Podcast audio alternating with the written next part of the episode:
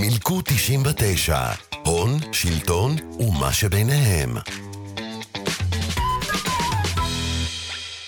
היי, שוב יש בחירות, ולמרות שלאף אחד כבר אין כוח, אנחנו נצביע, כן?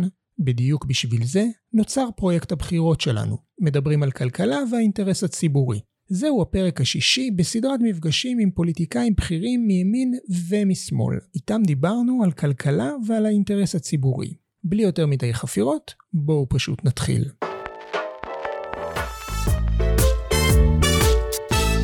שלום לקארין אלהרר, חברי כנסת קארין אלהרר, מפלגת יש עתיד, מה שלומך? בסדר גמור, תודה. אז תודה רבה שבאת אה, להתארח אצלנו במסגרת השיחות העומק שאנחנו אה, עורכים, מדברים כלכלה, עם אה, בעצם נציגים של המפלגות השונות, במטרה קצת להעמיק את השיח שאנחנו מרגישים שבתקשורת הוא מעט רדוד, והמטרה היא באמת לשמוע קצת יותר את הדברים הכלכליים שמטרידים אותנו כציבור, ובאמת שמשפיעים על יוקר המחיה ועל החיים היומיומיים שלנו. אז מה שנקרא, בואי נתחיל. אז הייתי שמחה לשמוע שתגידי לי, מהו ההבדל המרכזי בעצם בין האג'נדה הכלכלית של יש עתיד לבין הליכוד? אז אני אדבר קודם על יש עתיד. יש עתיד אה, מחזיקה בתפיסת עולם של שוק חופשי עם רשתות ביטחון. אה, שזה אומר שהשוק אה, בעיקרון צריך לדעת להתנהל, אבל המדינה צריכה לתת איזשהו מינימום לכל אדם, לתת לו את ה... אומרים את החכות, לא בטוח את הדגים. לגבי הליכוד, אני חייבת לומר שהם מפלגה שעושה הכל כולל הכל כדי לא להעביר תקציב כמה שנים, מפלגה שלא מפרסמת מצע. פעם היא הייתה מפלגה לאומית ליברלית, היום וואלה, מי יודע. אני באמת לא מצליחה להבין את תפיסת העולם שלהם, נראה לי שתפיסת העולם היא מה שביבי יגיד. הבנתי, אז באמת אה, אנחנו רוצים לדעת מטריד אותנו מאוד מי בסוף ישלם את מחיר המשבר, כי אנחנו, המדינה יש גירעון חסר תקדים, ואנחנו אה, צריכים, צריכים יהיה לכסות, לכסות אותו איכשהו, והשאלה את מי ימסו את ה-99 אחוזים או את ה-1 אחוז, אה, אה, את הטייקונים או את האזרחים. אה, ליש עתיד יש תוכנית מיסים כלשהי? תראי, אנחנו לא חושבים שצריך להעלות מיסים. לא צריך גם להוריד, אבל לא להעלות. כרגע, לתפיסתנו, האזרחים לא מקבלים מספיק בעבור המיסים שהם משלמים. רואים את זה אגב סתם דמי אבטלה לעצמאים. משלמים כל הזמן ובסוף כשביום אה, משבר לא מקבלים שום דבר. אה, אז בעינינו אין מקום להעלות עוד מיסים, צריך כן לשנות סדרי עדיפויות. סדרי עדיפויות כרגע הם פשוט בחירה, כי אנחנו רואים עוד ועוד הקמת משרדים, אנחנו רואים עוד ועוד מנגנונים, אנחנו רואים כספים פוליטיים שהולכים לסקטורים ולא לתוכניות, אלה דברים שצריכים לשנות. אה, לגבי אה, אה, מי שמחזיק בזיכיון על ים המלח ועוד משאבים ציבוריים, אותם בוודאי צריך למסות ולמסות יותר וגם לאכוף את המיסוי הזה, אבל להעלות לציבור הכללי, שבטח בשנת קורונה, בשנה שבה עברנו משבר כלכלי מאוד מאוד עמוק, ואנחנו עדיין לא רואים את התוצאות שלו עד הסוף, אין מקום להעמיק את המיסוי. הבנתי. אמ, אוקיי, אז כאילו, אז בכל זאת יש לכם איזושהי הצעה, אבל מאיפה יבוא הכסף? הרי בסוף יש גירעון, אז מאיפה יביאו את הכסף, כאילו, מהבחינה הזאת של... צריך, צריך להציע משהו, אז אם לא מיסים, אז מה כן? תראי, צריך לקיים אה, תוכניות חומש כמו שיש לנו בבריאות. לא כל הכסף יבוא אה, ממקום, זאת אומרת, לא, אין לי תוכנית להעביר עשרה מיליארד שקלים לבריאות בשנה אחת. יש לי אה, תוכנית, אה, וצריכה לבוא בליווי רפורמות. הרפורמות אמורות להביא לגידול בעסקים הקטנים והבינוניים. ברגע שהעסקים הקטנים והבינוניים גדלים, שהם הקטר, הם המנוע הצמיחה של המשק, אני מאמינה שגם בסופו של דבר יהיה אפשר לגבות יותר מיסים מהאחוזים הקיימים היום. אני לא אצטרך אה, לגבות אה, אה, מס יותר גבוה, אלא פשוט יהיה יותר מיסוי של המקום שקיים היום. ולכן אני אוכל בהחלט לפתח את המשק ולתת שירותים. אז שנייה, את באמת הזכרת מילה רפורמות, ובאמת אה, אנחנו כולנו חווים יוקר מחיה די מסיבי, המחירים בישראל גבוהים ב-20% מהמחיה ב-OECD, כמעט באמת בכל דבר. אם את מחר שרת הכלכלה בממשלה הבאה, אה, את יכולה לתת לי דוגמה לאיזושהי רפורמה שהיית עושה כדי להוריד קצת את יוקר המחיה?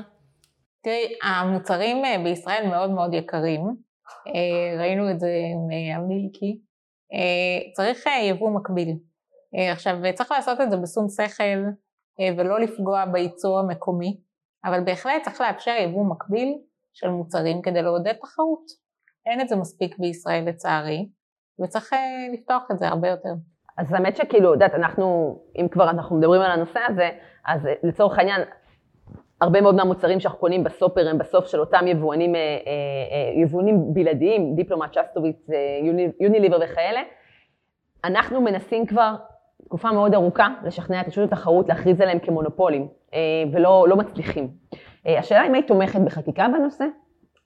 תראי, אני חייבת לומר שכמחוקקת, אני רואה הרבה פעמים רצון לחוקק עוד חוקים.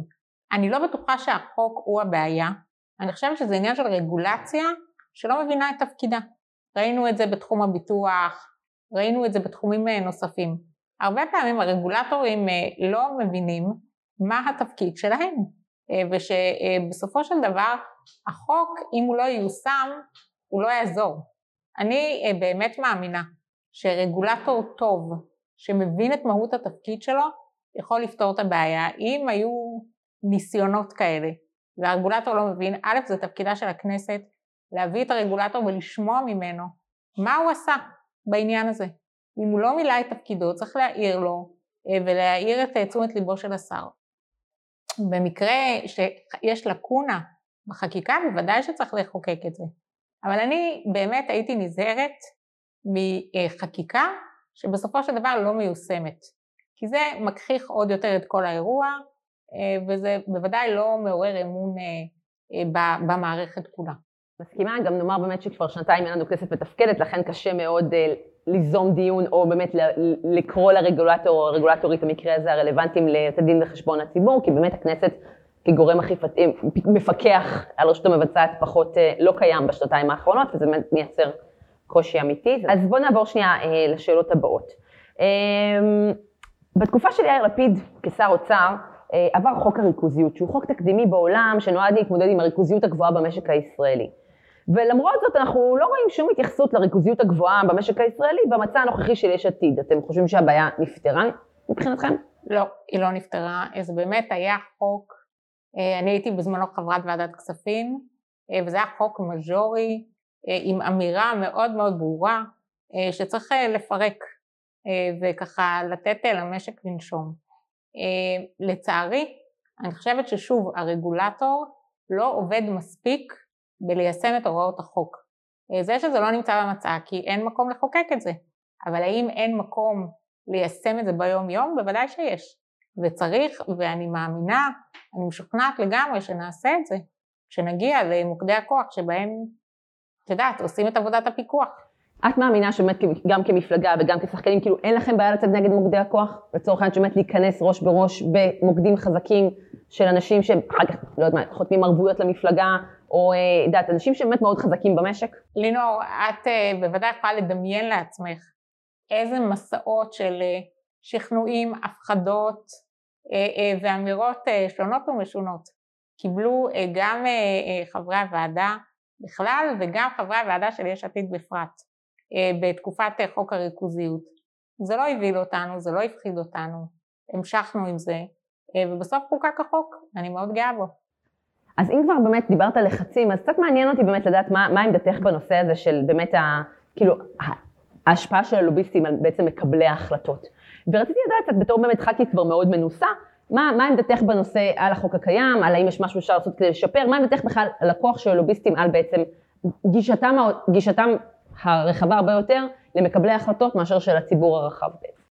תראי, אמ, א', לוביסטים כשם קוד לאנשים שבאים למטרה מסוימת, הוא לא דבר מגונה בעיניי, בסדר? אני לפני שנבחרתי לכנסת, הייתי סוג של לוביסטית, פעלתי לטובת אנשים עם צרכים מיוחדים. הייתי, רציתי לראות בעצמי הקול שלהם שמגיע לכנסת אה, ובא לשפר את מצבם. אז לוביסטים באופן עקרוני זה לא דבר רע. השאלה אה, מה הכוח שנותנים להם. אז לאורך השנים היו, הייתה חקיקה שמסמנת אותם וכבר נדע מי זה שלוחש על אוזנו של חבר הכנסת במהלך הדיון, שבעיניי זה אירוע נוראי, אוקיי? אני, אין לי בעיה לשבת ולקרוא חוות דעת שמוציא לוביסט, אבל זה לא ראה וקדש. אה, ואני רוצה לקוות, אה, א', שחברי הכנסת מאוד זהירים, הם באים עם אג'נדה ולא רק רצון לרצות מישהו. זה דבר אחד. דבר שני, אה, צריך בהחלט לטעמי למנן את הכניסה של הלוביסטים החזקים והאגרסיביים נקרא לזה, ואת היכולת שלהם לעשות סדר באולם הדיונים. הרבה פעמים אני ראיתי את זה במו עיניי, אני חייבת להודות שאף אחד לא ניסה לפנות אליי כנראה בגלל שבאמת לא נתתי לזה מקום. אי אפשר לנסות לשכנע חבר כנסת תוך כדי דיון ובעיניי זו בושה שחבר כנסת יגיע לדיון ולא ידע על מה הוא מדבר ורק יסתמך על מה שהלוביסט יגיד לו. אה, צריך לגמרי להפריד את זה, לוביסטים יכולים להיפגש אה, אבל צריך לדעת על פגישות כאלה, צריך לגמרי לשקף את העבודה שלהם, אה, וצריך להבין איפה האינטרסים נמצאים. כי בסוף השקיפות בעיניי היא, היא מאוד מאוד חשובה. שקיפות מלמדת מי היה ומה הדעה. אה, ולכן לשקף יותר וגם לקרוא לכל חברי הכנסת באמת וגם לשרים והשרות תהיו אמיתיים עם עצמכם, תהיו עם האג'נדה שלכם, אפשר לשמוע, אפשר ללמוד, אבל לא בצורה דווקנית. אז רק באמת להגיד על הנושא של הלוביסטים, בעצם הדבר שאת מתייחסת אליו במידה רבה זה אה, בעיניי גם באמת החוסר, אה, המחסור בכלים שיש לח"כים בעצם בכנסת, בכוח העודף שיש לרשות המבצעת על הכנסת, שנושאים מגיעים לדיונים ברגע האחרון, בלי חומרים מלווים, אין יועץ מקצועי בוועדה שהתפקיד שלו הוא נגיד להסביר לח"כים את הנושאים, לפעמים כלכליים ומורכבים מאוד. כל ח"כ הוא למעשה, יש לו אה, בסך הכל שלושה עוזרים פרלמנטריים, שגם זה שינוי של השנים האחרונות שהיה לאחרונה רק עד שניים, למרות שבעצם האוכלוסייה גדלה פי תשע, כי פעם חוקקו את זה בעצם שהיה מיליון איש, היום אנחנו תשעה מיליון, ובעצם בעיניי אין מספיק כלים לחברי הכנסת כדי להתמודד. אה, תראי, אין להם מספיק כלים, וגם כל, מתוקף התפקיד, את נדרשת להבנה בהמון המון נושאים. נכון. שהם לא עולם התוכן המיידי שלך. אם את לא יושבת ולומדת את זה, סיכוי גבוה מאוד שתעשי מה שמישהו אומר לך, אם את לא מספיק אה, מבינה. ולכן אני באה ואומרת, העובדה גם שחברי כנסת מטיילים בין ועדות ולא אה, מקצועית, יושבים בוועדה, לומדים, מתמקצעים בנושא, היא בעייתית בעיניי. אני מסכימה, אבל יש לציין שבאמת כל חבר כנסת, בגלל באמת הגודל של הממשלה לעומת גודל של חברי הכנסת, נוצר מצב שכל חבר כנסת יושב בחמש-שש ועדות. כן, בקואליציה. והדיונים נערכים במקביל, וגם אם אתה מאוד רוצה. אתה בא, אתה אה, מצביע או אה, הצבעה קואליציונית, או הצבעה שאיזה לוביסט תפס אותך בדרך ואמר לך, תעזור לנו וכולי. דבר שהוא לא נכון בעיניי. בסוף חייבים להבין, כל הכרעה שמתקבלת בוועדה, היא גם אה, כנראה תתקבל במליאה. ובסופו של דבר זה הנורמה שאזרחי ואזרחיות מדינת ישראל צריכים לעבוד על פיהם. אה, בעיניי זה מצער שעושים את זה כאילו לפעמים כלאחר יד. והלוביסטים אה, מוצאים את המקום הזה והרבה פעמים משפיעים על מי שאין לו עמדה. נכנסים לוואקום, אני מסכימה, אני רק אומר גם שהלובי מוביל הצעת חוק שאמורה להרחיב את, הצע, את החוק הלוביסטים גם על משרדי הממשלה ורשויות מקומיות, בכנסת העשרים לא הצלחנו להעביר את החוק הזה, ולכן בעקבות זאת, בעצם אם ראית עכשיו את הנוהל הפנימי שגיבש אה, משרד האוצר, אה, על התנהלות עם לוביסטים, אנחנו בעצם היינו יד מכוונת מאחורה, וזה מאוד משמח, כן, אבל אנחנו עדיין שואפים להעביר את החוק הזה, אז אולי בכנסת הבאה תהיי גם בפוזיציה לעזור. אם אנחנו באמת התחלנו לדבר גם על שקיפות, אז הייתי רוצה לדעת, כי באמת לפני שלוש שנים עבדנו יחד אה, על הגשת תיקון חקיקה שיגביר את האפקטיביות של חוק חופש המידע וייתן לו שיניים, שזה בעצם כלי מאוד משמעותי לעניין של שקיפות ומה באמת קורה במשרדי הממשלה. האם את חושבת שבמציאות שבה הפרוטוקולים של דיוני הממשלה על הקורונה חסויים ומוטל צו איסור פרסום על חקירת אסון הזפת, אה, החוק הזה בכלל עדיין רלוונטי?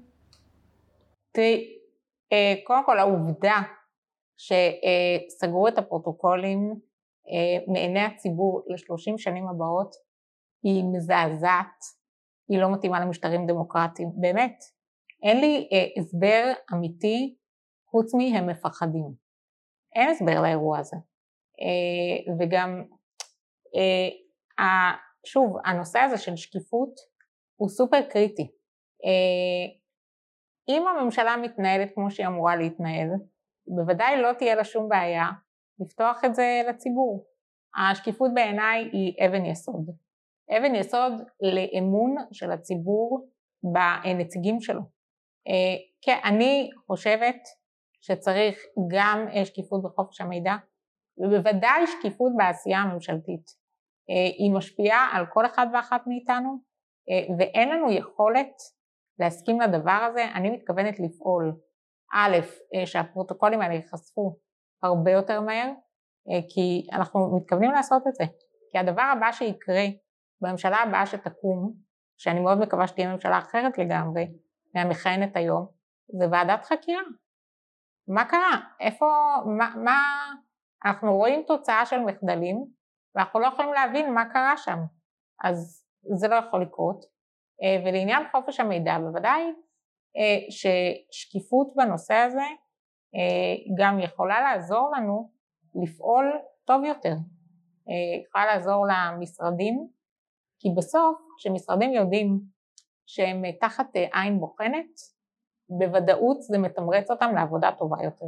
אז אין בינינו ויכוח שבאמת שקיפות היא דבר מאוד חשוב, זה גם אגב נושא שחברי הלובי היה אחד מהראשונים שבחרו ואנחנו אה, אכן פועלים בזה ביחד, אבל באמת אני רוצה לדעת, כי באמת לפעמים, לפעמים שקיפות היא לא, היא, לא, היא לא מספיקה, כי לפעמים יש באמת אינטרסים מאחורה ש, אה, אה, ודברים ומניעים שלא תמיד שקיפות חושפת, ובאמת זה מוביל אותי לשאלה שנגיד מחר בחר הצהרת התקשורת, אנחנו ככה עוסקים בלובי גם בהון שלטון עיתון, זה נושא שבאמת בחרו חברי הלובי ממש אה, לאחרונה ואנחנו אה, אה, נכנסים בו חזק.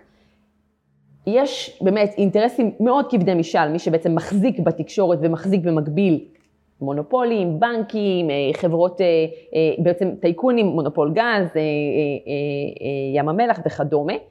איזה, מחר הצהרת התקשורת, איזה רפורמה, רפורמות בתקשורת שמנתקות את קשרי ההון שלטון היית חושבת לעשות? תראי, העובדה ש... אמ, אני רוצה להבחין בין שני מצבים. האחד הוא תקין לגמרי בעיניי, יש יחסים בין אה, פוליטיקאים לבין אה, אנשי תקשורת. זה לגיטימי בעיניי, מעבירים להם אה, תכנים, הם שואלים אותנו שאלות, לגיטימי. מה שלא תקין בעיניי זה שמנהלים מאחורי גבנו כל מיני משאים ומתנים כמו שהיה שהפכו להיות גם אה, ברבות הימים פליליים, כן, אה, פרשת 2000. אה, דבר כזה לא יכול לקרות בעיניי. אמ, אני, קשה לי לשרטט כרגע איזושהי רפורמה מדויקת, כי יש קו תפר שהוא יכול להיות עדין, אבל אני כן חושבת שצריך לייצר קו ברור, מבחין, בין מה שמותר לבין מה שאסור, וגם בין מה שמותר בין מה שהוא, את יודעת, לפעמים מותר, הוא, הוא כשר אבל הוא מסריח. אני, אני רק מניחה שאת מתייחסת גם ככה מאחורי הקלעים, גם באמת ענייני הפרשה הפלילית באמת אה, בתיק 2000, אה, הקשר בין נוני מוזס לראש הממשלה, אני רק אומר שגם אה, לראש המפלגה שלך, ליאיר לפיד, יש ידוע קשר אישי לנוני מוזס, הוא גם עבד בעיתון וגם יש לו קשר לזה, וכאילו גם שם דווח על פגישות תדירות גם שם, אז... אז אני אגיד, בעיניי, את יודעת, אם הייתי חברה של מישהו עבדתי עם מישהו קודם, כאילו צריך להיות אה, מלך הצביעות כדי לבוא ולהגיד, טוב, מעכשיו אל תדבר איתי. בסדר? אה, הדיבור קיים. השאלה מה, מה עושים בדיבור הזה. אה, למיטב ידיעתנו, אין שום הליך פלילי שמתנהל נגד יאיר לפיד, ואין סיבה גם, כי באמת הכל היה כשר למהדרין בלי שום אה, ריח אה, מבחיל כמו שראינו בפרשה, אה, פרשת 2000. אני אומרת לך, יש פער בין קשרי חברויות אותנטיות שבן אדם עבד בעיתון עשרות שנים לבין מישהו שכל היום מתחזק כתבות מפרגנות. אוקיי, okay. uh, מעניין. אז אנחנו uh, באמת נעבור uh, לשאלות הבאות. קצת, בוא נדבר קצת באמת על, אה, גם על נושאים, נחזור קצת של יוקר מחיה. אז לאחרונה ממש ראינו שהטבה שלוקחי המשכנתאות, שנתן בנק ישראל בשביל להקל על אזרחים שלקחו משכנתה, בעצם לא גולגלה מהבנקים לצרכנים, הרווח נותר בידי הבנקים. אנחנו גם יודעים שפועלים ולאומי מחזיקים 60% אה, מענף הבנקאות, מה היית עושה כדי לקדם תחרות בשוק הבנקאות? תראי, ההטבה הזאת של המשכנתאות היא תוצאה של פעולה גם של מיקי לוי, גם של יאיר לפיד, ובהגינות אני אומר גם של שלמה קרעי בתקופת הקורונה. אני אומר שלמיטב הבנתי ההטבה לא גולגלה מכיוון שהרבה פעמים הציבור פשוט לא יודע לנהל את המשאים ומתנים ובעצם מסתמכים על ייעוץ של ה... ייעוץ משכנתאות של הבנקים. אז אני אגיד שזה שוב עניין של רגולציה, יש מפקח על הבנקים, יש את נגיד בנק ישראל ויש את המפקח על הביטוח שהוא גם קשור בעניין המשכנתאות. הרגולטורים, ואני ראיתי את זה מעדות אישית כשאני חוקקתי את חוק המשכנתאות לאנשים עם מוגבלויות, פשוט לא מבינים שזו העבודה שלהם. אני באמת חושבת שאפשר וצריך דרך הרגולציה לפתוח הרבה יותר ממה שקיים היום ואני בטוחה שאם הרגולטורים יקומו בבוקר לעשות את העבודה שלהם בצורה מיטבית אנחנו נראה אולי, את יודעת, לא ייעלם לגמרי אבל לפחות נראה הטבה משמעותית. בקיצור, את אומרת בנק ישראל עושה את העבודה שלו, זה מה שאת אומרת. לצערי. אז באמת בואי נדבר שנייה קצת על ים המלח, כי יאיר לפיד, בעצם זה נושא, משאבי טבע זה נושא שאנחנו מתעסקים בו המון בלובי, ויאיר לפיד שהוא בימיו כשר אוצר, הוא מינה את ועדת ששינסקי 2, שעסקה במיסוי רווחים מאוצרות הטבע בדגש על ים המלח, ובעצם מאז שעבר חוק ששינסקי 2 ב-2016 ועד היום לא שולם אפילו שקל אחד של מס, מס ששינסקי 2 על ידי כי"ל, מה לדעתך צריך לעשות כדי לגבות את הכסף הזה? לתבוע אותם. כן? חד משמעית. משאבי הטבע הם של מדינת ישראל. לא יעלה על הדעת. ישבה ועדה, כתבה המלצות, צריך לגבות... מה, אין כזה דבר. תראי, כאילו... אבל היית מתנה, כי תראי, ממש בימים אלה בעצם דנים בממשלה בהמשך הזיכיון של כי"ל, ב-2030 הוא אמור לפוג, מקבלים עכשיו את ההחלטות, ובעצם האם היית תומכת ביוזמה של לצורך העניין לא לתת להם להתמודד עוד פעם עד שהם לא משלמים את הכסף על המיסים שהם חייבים? בוודאי שכן. תראי, זה, זה כאילו נתנו לכם להחזיק את המקום, פיתחתם אותו בסדר, בסוף הבאתם אבל רווחים, הרווחים לא הגיעו, רווחי עתק. אז אני אומרת, הרווחים האלה לא הגיעו רק בגלל העבודה, הם הגיעו על העבודה שבאה על הקרקע הזאת, על המשאב הזה שהוא של כולנו. אין כזה דבר להמשיך בדרך כאילו כלום לא קרה, כשהייתם אמורים כבר לתת את הכסף. עכשיו אני מבינה שהם מנסים להתחכם ולהגיד השקענו הרבה יותר ממה שקיבלנו, כן, שטויות במיץ עגבניות. הגיע הזמן שהם ישלמו, האמת שהגיע הזמן מזמן שהם ישלמו, הם היו צריכים לעשות את זה הרבה קודם. והעובדה שכאילו מדינת ישראל הרימה ידיים, כאילו אין מה לעשות, כאילו זה, זה גזירת גורל, היא תעודת עניות. מסכימה מאוד. אמ, ועוד באמת שאלה אם כבר אנחנו משאבי טבע עסקינן, אז כאילו המחיר, ב, המחיר הממוצע ליחידת גז בישראל עומד בממוצע על חמש וחצי דולר, כשבשאר המדינות שמפיקות גז כמונו, מקבילות אלינו, קנדה, רוסיה, ארצות הברית, עומד על בין 2 ל-3 דולר, אה, והגז הוא פרמטר מרכזי במחיר החשמל ולכן גם משפיע על יוקר המחיה בישראל. איך היית מורידה את מחיר החשמל לציבור? תשמעי, זה סיפור שאני לא מצליחה להבין. חברת חשמל חתמה על חוזה אה, מראש עם אה, מחיר, התחייבה למחיר הזה. אני כאילו באמת לא יודעת איך הם יכולים לחזור בהם מהחתימה הזאת, כי הם התחייבו לכמות מסוימת. אה, אני באמת, היה איזה דיון בוועדת כספים שגם השתתפתי בו, ניסינו, גם היושב ראש, גם חברי הכנסת הנוספים, לבוא לחברת חשמל, להגיד להם, השתגעתם? כאילו, מה חתמתם על המסמך הזה כשבמדינות אחרות המצב הרבה יותר טוב? אה, ואני יודעת שגם היה ניסיון לפנות אה, לנובל אנרג'י וקיבלנו כל מיני ממסרים מארצות הברית כאילו back off, זה לא הולך לקרות. אין לי, אני לא יודעת... מי, מה... מי זה ניסינו לפנות לנובל אנרג'י? מי ניסה לפנות? המדינה ניסתה לפנות אה, וזה לא עבד. לדעתי לא תהיה דרך להשתחרר מההסכם הזה עד שהוא יגיע לקיצו. אז א', תדעי שיש בסעיף, אה, בסעיף אה, עם, עם חברת חשמל ביולי 2021 אמור, יש סעיף שמאפשר להוריד מחיר של 25%, אז כבר אפשר. אז אני מאוד מאוד מקווה דבר, כן. שחברת החשמל תדע אה, להתנהל בעניין. אבל האם לא, באמת מעניין אותי לדעת, בתחום הגז באמת אין תחרות, אה, לא הצליחו לעשות תחרות בשוק, בשוק ולכן הפתרון האידיאלי לכאורה של תחרות טבעית לא קרה, לא, לא קרה.